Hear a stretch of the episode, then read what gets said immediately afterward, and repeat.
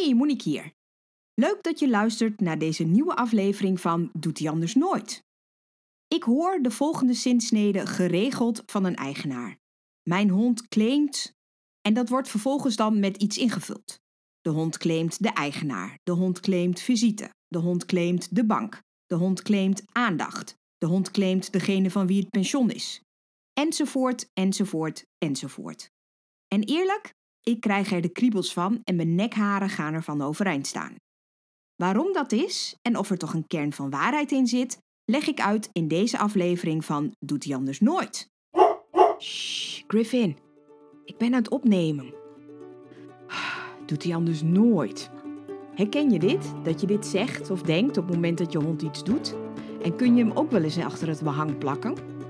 Ben je dol op hem, maar word je ook wel eens een beetje gek van wat hij soms kan doen? In deze podcast Doet hij anders nooit vertel ik elke week waarom je hond dat doet, hoe dat komt dat hij het blijft doen, of misschien ook wel niet, en natuurlijk wat je eraan zou kunnen doen. Ik ben Monique Bladder, gedragstherapeut voor honden. En net als jij heb ik zeker niet de perfecte honden, maar wel de allerleukste. Ondanks dat ze soms dingen doen die ze anders nooit zouden doen. De eerste keer dat ik iemand hoorde zeggen: Mijn hond claimt. puntje, puntje, puntje, fronste ik mijn wenkbrauwen. En eerlijk gezegd voel ik nog steeds een enorme weerstand als dit gezegd wordt over iets dat een hond doet. Dus het werd tijd voor mij om te onderzoeken waar het dan eigenlijk vandaan komt. Wat bedoel je daar eigenlijk mee als je dat als eigenaar zegt over iets wat je hond doet? En waarom vind ik het zo'n ingewikkeld iets om dat zo te zeggen als het gaat over gedrag van je hond? Het begint ermee dat voor mij persoonlijk het woord claimen een sterke negatieve lading heeft. Ik heb het even opgezocht in wat woordenboeken en daar wordt als synoniem gegeven opeisen. En dat betekent onder meer dat iemand vindt dat hij recht heeft op een bepaald iets. En daar loopt het dan voor mij spaak als het gaat over honden en over wat ze doen. Ik hecht heel veel waarde aan het zogenoemde cognitieve vermogen van een hond. Dus de mate waarin een hond kan nadenken en zijn hersens kan gebruiken, om het even makkelijk uit te leggen. Ik vind dat we, heel in het algemeen gesteld, misschien wel onze honden onderschatten als het gaat over hoe slim ze zijn en hoe ze verbanden kunnen leggen tussen dingen die gebeuren en hoe zij zelf bepaalde dingen kunnen beïnvloeden. Maar ik denk ook dat we soms onze honden eigenschappen toedichten waarvan we op zijn minst nog niet zeker weten dat ze ze hebben. Ik denk dat recht hebben op iets zo'n concept is dat de meeste honden niet hebben. Daarmee zeg ik niet dat een hond niet bepaalde dingen heel erg belangrijk kan vinden. En ik zeg ook dat een hond ook heel vaak zelfs gedrag kan laten zien omdat hij iets wil hebben. Maar dat is iets anders dan het concept en het idee dat een hond denkt dat hij ergens recht op heeft. Dat daarover denken kan een hond naar mijn idee niet. Of tenminste, dat weten we niet zeker. En als je daarvan uitgaat, zou dat dus in mijn ogen in elk geval een enorme aanname zijn. En misschien wel een overschatting van het cognitieve vermogen van een hond. Ik denk zelf persoonlijk dus niet dat, het hond, dat een hond het bewustzijn heeft om te denken: oké, ik wil dat botje, of ik wil die bank, of ik wil die persoon, omdat ik daar recht op heb. Dat er recht op hebben maakt wat mij betreft het verschil. Het tweede probleem dat ik heb met het woord claimen is dat het je heel makkelijk in de richting duwt van de baas zijn en dominant proberen te zijn. Dat de hond iets claimt omdat hij dus daarmee probeert de roedelleider te worden. En dat is precies wat ik heel veel zie gebeuren onder hondeneigenaren. Zelfs bij eigenaren die eigenlijk niet of niet meer de termen dominantie gebruiken, maar dan wel in plaats daarvan uh, hun heil zoeken in woorden als claimen. En ik vind dat op zijn minst gezegd verwarrend. En als je nu naar deze podcast luistert en denkt: ja, maar hoor eens even, een hond is toch dominant of probeert toch dominant te zijn of probeert de leider te zijn, dan is het denk ik goed dat je ook nog even luistert naar podcast aflevering 7, het onzinverhaal dat dominantie heet. Daarin leg ik precies uit waarom ik moeite heb met uh, woorden als dominantie en roedelleider en de baas zijn. En dan wordt ook duidelijk op basis waarvan ik dat zeg. Dat het niet alleen maar een mening is, maar dat ik die dus ook kan onderbouwen. Want dat is denk ik wel super belangrijk. Het woord, het woord claimen wordt in mijn ogen dus heel vaak gebruikt voor gedrag dat eigenlijk niet goed begrepen wordt. Waarbij de eigenaar wel het idee heeft dat de hond iets wil of iets wil bereiken, maar dat hij eigenlijk ook niet precies weet wat, de eigenaar dan dus. Hè? Of beter gezegd, eigenlijk heeft een eigenaar dan heel vaak niet het idee hoe die hond zich eigenlijk voelt. En eerlijk is eerlijk, soms is dat ook niet zo heel erg makkelijk te achterhalen.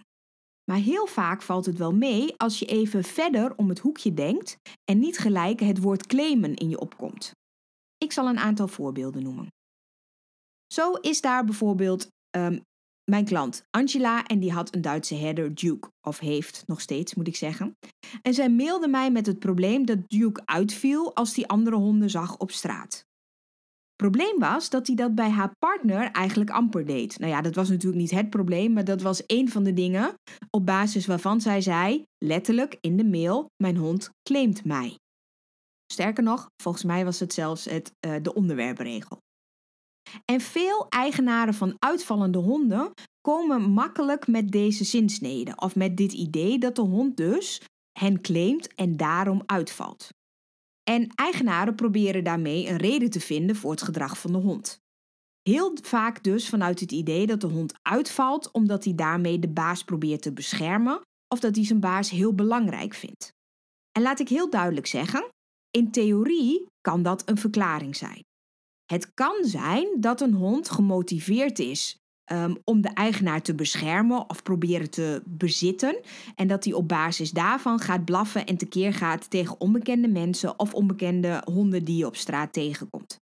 Maar in de meeste gevallen doet een hond op dat moment wat hij doet, omdat hij zich bedreigd voelt. Door die andere hond of door die andere persoon. De uitvallende hond claimt dus niet de eigenaar. Wat heel vaak aan de hand is, is dat de hond het waarschijnlijk moeilijk heeft omdat er iemand in zijn persoonlijke zone komt. Waardoor hij bang wordt of is voor die andere persoon of voor die andere hond. Hij vindt het spannend. En die agressie, dat uitvallen, is een van de manieren waarop hij dan kan reageren om ervoor te zorgen dat die afstand groter wordt. Als je dan al het woord claimen zou willen gebruiken in zo'n situatie, wat ik je absoluut niet aanraad, maar stel dat, dan zou je het zo moeten gebruiken dat hij zijn eigen persoonlijke zone claimt en zijn eigen veiligheid claimt. Maar als je het me rechtstreeks zou vragen, zou ik dat eigenlijk onzin vinden om het zo te zeggen. Je hond claimt dan namelijk niet iets. Ehm, hij is gewoon, om het maar even plat te zeggen, heel erg bang of vindt het heel erg spannend en doet daarom wat hij doet. Nou, en hoe merk je dan het verschil tussen of jouw hond uitvalt omdat hij het spannend vindt of omdat hij uitvalt omdat hij uh, zijn eigenaar wil beschermen. Nou, waar je dan in elk geval naar moet kijken is dat een hond die zijn eigenaar beschermt, die doet dat dan eigenlijk ook alleen maar in aanwezigheid van die eigenaar. Hij doet dat dan niet op het moment dat zijn eigenaar er niet bij is. Dus stel je voor, ik zou met Duke in dit voorbeeld gaan wandelen, dan zou die dus niet uitvallen als ik met hem zou lopen, maar zou die wel uitvallen als Angela met hem zou lopen. En soms is dat, zoals in het geval van Angela, dus wel een beetje een probleem. Want in het geval van Angela was het dus zo dat Duke um, minder uitviel bij haar partner en wel vaak, bijna altijd, uitviel als zij met hem liep. En dan snap ik ook dat je dan makkelijk denkt dat de hond jou als eigenaar zijnde beschermt. Maar wat er gebeurde nadat ik die situatie van Angela en Duke geanalyseerd had, bleek dat het zo was dat Angela bijna altijd Duke uitliet. Haar partner deed dat eigenlijk alleen maar als bijvoorbeeld Angela ziek was of moest overwerken of nou ja, eigenlijk niet in de gelegenheid was om Duke uit te laten. Dan nam haar partner het van haar over. Het gevolg daarvan was dat Duke veel vaker een negatieve ervaring had met een andere hond als Angela daarbij was, dan dat hij dat had als de partner van Angela erbij was. Dus als Angela met de hond ging lopen ja, dan kwamen ze op geregelde basis kwamen ze andere honden tegen. Terwijl als haar partner met uh, Duke ging lopen, dan gebeurde dat kwantitatief gezien gewoon veel minder vaak. Omdat Duke dus vaker vervelende ervaringen had waar Angela bij was, werd Angela een soort van onderdeel van het plaatje wat Duke maakte in zijn hoofd op het moment dat hij een vervelende ervaring had. Honden zijn heel erg contextgevoelig. Op het moment dat er iets gebeurt wat hen raakt, of dat nou heel positief is of heel negatief, dan maken ze een, een foto of misschien wel een videootje in hun hoofd. Alles wat erbij staat op die foto of op die video wordt in een vergelijkbare situatie eigenlijk weer naar voren gehaald en wordt dus onderdeel van die vervelende of hele positieve ervaring. Dus elke keer als Angela met Duke gaat wandelen, zit daar dat plaatje of die video um, in het hoofd van Duke, waarbij die eraan wordt herinnerd van, oh, als ik samenloop met Angela, dan kom ik uh, andere honden tegen die ik niet leuk vind. Dus Angela wordt een beetje ook de voorspeller voor Duke dat er vervelende dingen gaan gebeuren. Waardoor hij ook in een negatievere emotie terechtkomt, waardoor hij ook makkelijker gaat reageren. Daar kan Angela helemaal niks aan doen. Dat is namelijk gewoon, tussen haakjes, het gevolg van het feit dat Angela vaker met Duke ging lopen dan haar partner. En daardoor gebeurde het dus vaker bij Angela dan bij haar partner en had het dus helemaal niks te maken met claimen. Het kan dus zijn dat een hond wel de eigenaar verdedigt, maar heel vaak gaat het dus of over context of over een persoonlijke zone. Neem dat even van mij aan. Ik zie geregeld dit soort honden waarbij dit vaak gedacht wordt en na een analyse blijkt het dus heel vaak te zijn dat het gaat over een hond die zich bedreigd voelt of het gekoppeld heeft aan een bepaalde context. Een ander voorbeeld waarin het woord claimen vaak gebruikt wordt is als er geblaft wordt naar visite of als je hond de visite niet met rust laat. Soms is dat op een ontspannen, enthousiaste manier. Een hond die naar de visite toe loopt, een beetje met zijn neus onder de ellebogen duwt, zo van ik wil geaaid worden of een keer met een pootje slaat. Voor de meeste mensen is dat niet per definitie gelijk een probleem. Soms komt er spanning bij kijken bij zo'n begroeting en bij die visite en is het allemaal niet zo relaxed. Als de hond ontspannen en net iets te enthousiast is, ehm, wordt er ook nog wel eens gezegd: ja, hij claimt de visite. Maar hij claimt niet de visite, Jouw hond heeft hoogstwaarschijnlijk simpelweg niet geleerd dat hij uh, op, een ander, op een andere manier met ander gedrag ook iets, iets leuks kan krijgen.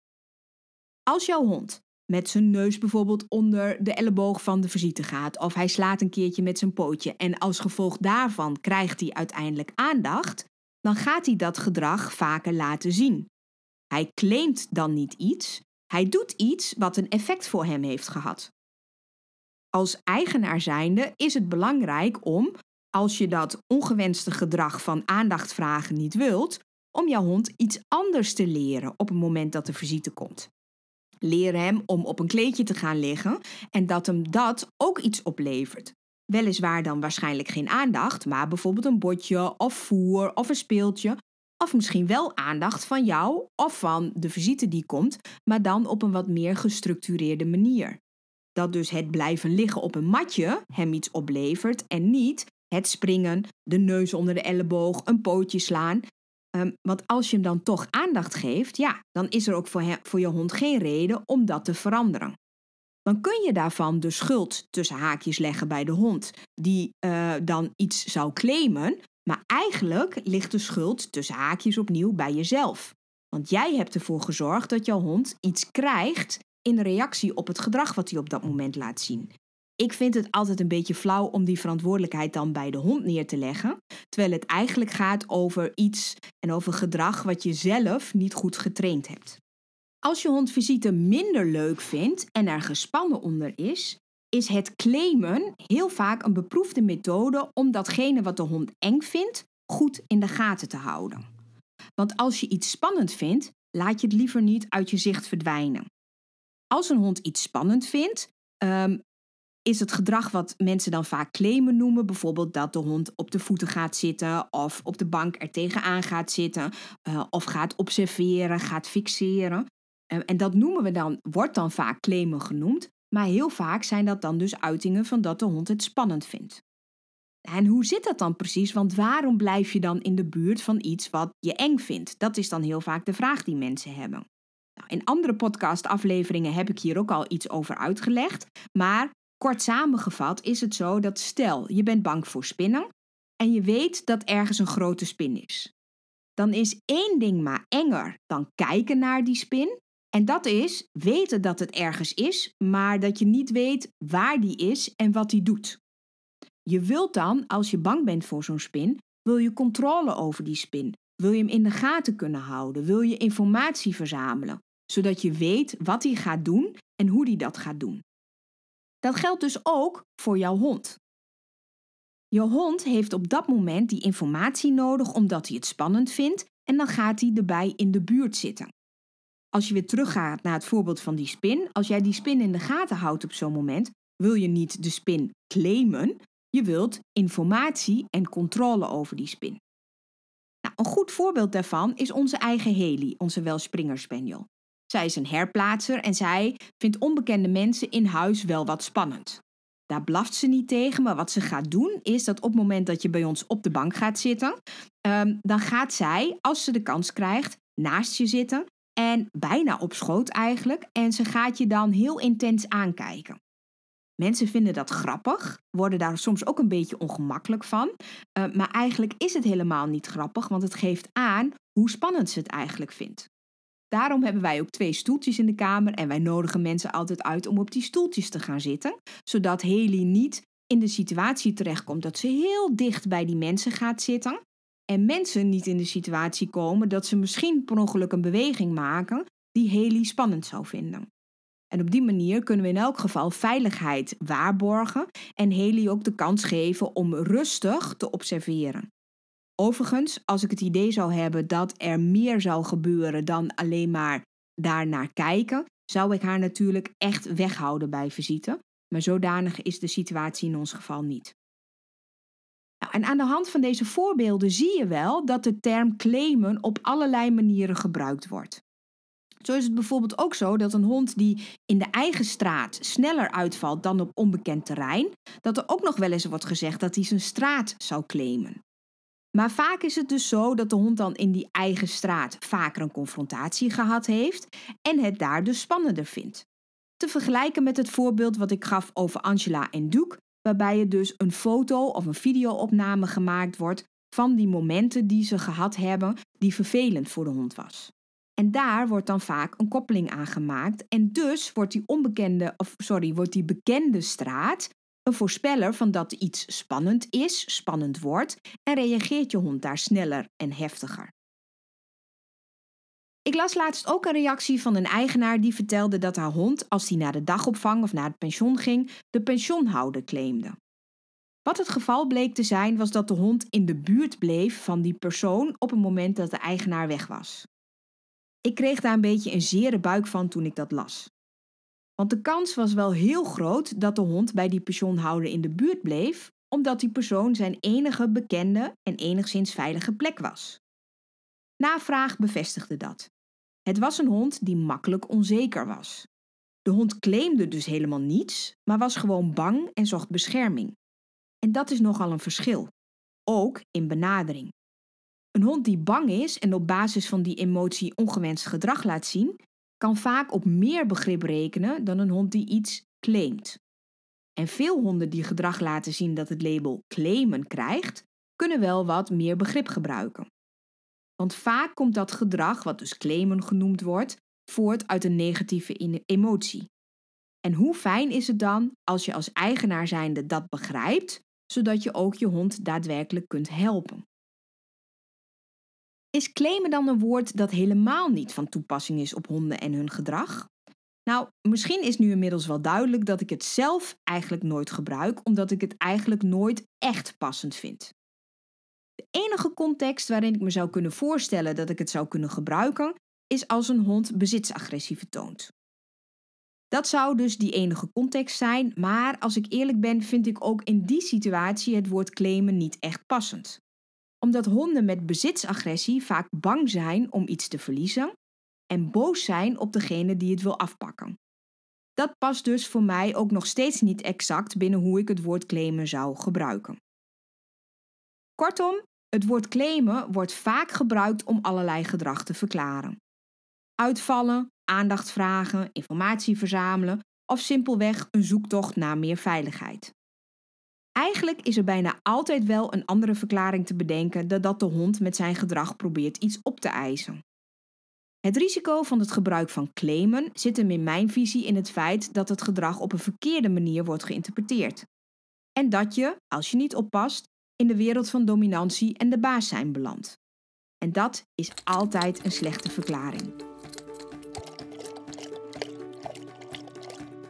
De Doet hij anders nooit? Vraag van de week. Ik heb een mail ontvangen van Wieneke. Haar herplaatsen raakte in de auto opgewonden en zo opgewonden dat er daarna zeker een half uur lang niks meer met hem te beginnen is. Hij piept en hij blaft als hij in de auto zit en als ze hem uit de auto halen is er dus in eerste instantie gewoon totaal niks mee te beginnen. Wieneke heeft een gedragsdeskundige, niet ik, maar iemand anders, naar het filmpje laten kijken en er is gezegd dat hij eigenlijk gewoon super, super blij is. Na de wandeling piept de hond niet meer en ligt hij soms zelfs rustig op de achterbank als ze weer terugrijden naar huis. En in verband met de vakanties zou Wieneke wel heel graag willen dat hij rustig mee zou kunnen in de auto. Dus vraagt ze zich af: wat is nu wijsheid? Is een dichte bench misschien dan toch een goed idee in verband met prikkels? Nou, ik kan me heel goed voorstellen, Wieneke, dat dit een vervelende situatie is en ik kan me goed voorstellen dat je daaraan wilt werken. Ik denk als eerste dat het een goed idee is om inderdaad een dichte bench te proberen, waardoor die niet naar buiten kan kijken. En ik zou hem ook iets te doen geven, bijvoorbeeld een kong of een bot. Laat ik wel duidelijk zijn, ik geef hierin zeker geen garanties, want sommige honden hebben het juist nodig om naar buiten te kunnen kijken en sommige honden nemen bijvoorbeeld een kong of een botje niet aan omdat ze te opgewonden zijn. Maar het is denk ik wel een relatief makkelijk iets wat je zou kunnen uitproberen. En stel nou dat je geen dichte bench hebt, maar wel een open bench, zou je daar een deken overheen kunnen leggen om te kijken wat er dan gebeurt.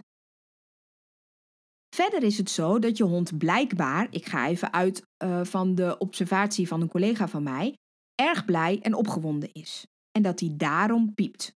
En nu kan ik een heel mooi verhaal gaan opvangen van hoe je het stille ophangen, van hoe je het stille gedrag kunt belonen, maar dat zal niet meevallen. Want dat piepen wordt veroorzaakt door de opwinding en het blije vooruitzicht en dat is niet makkelijk te stoppen.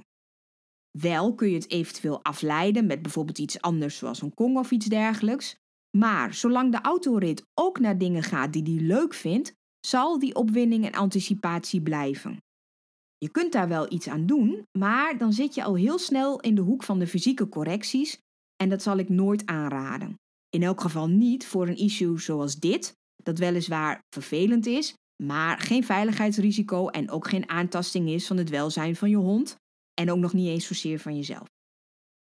Stel dat je er wel mee aan de slag wilt en een dichte bench helpt niet, dan kun je het beste gaan trainen in hele kleine stapjes waarbij je stopt met rijden voordat hij gaat piepen. En dat stil zijn op dat moment dus wel gaan belonen. Dat betekent wel dat je hem beter niet op andere momenten in de auto kunt laten. En dat betekent ook dat dat waarschijnlijk wel een wat langer traject is. Je zou kunnen kijken of je je hond eventueel ook kunt ondersteunen met adaptielspray. Het kan zijn dat dat wat meer rust geeft. Ik hoop dat je hier toch iets mee kunt. Uh, ik heb helaas geen uh, toverstafje voor dit soort issues, maar ik hoop wel dat je hiermee uh, toch wat verder aan de slag gaat. Heb jij ook een vraag? Mail me dan vooral naar contact moniquebladder.nl want ik zou heel graag audio-appjes krijgen, zodat ik dat kan verwerken in deze podcasten en dat ik op deze manier dan vragen kan beantwoorden. Dus stuur vooral je mail met je vraag. In deze aflevering heb ik mijn gevoelens over de zinsnede claimen met je gedeeld. Ik hoop dat ik je aan het nadenken heb gezet over het feit dat het meestal eigenlijk een woord is dat gebruikt wordt als we niet exact weten wat de hond nu eigenlijk doet of voelt. Ik hoop dat het een aanmoediging voor je is om wat verder te kijken dan de veronderstelling dat een hond iets claimt. Wil je verder praten over dit onderwerp of over ander probleemgedrag? Word dan lid van mijn gratis Doet die anders nooit club op Facebook. Dan zie en hoor ik daar je vragen en je verhalen graag terug. Bedankt dat je hebt geluisterd naar Doet die anders nooit. Ik hoop dat ik jou en je hond wat verder heb geholpen. Wil je geen enkele Doet die anders nooit missen?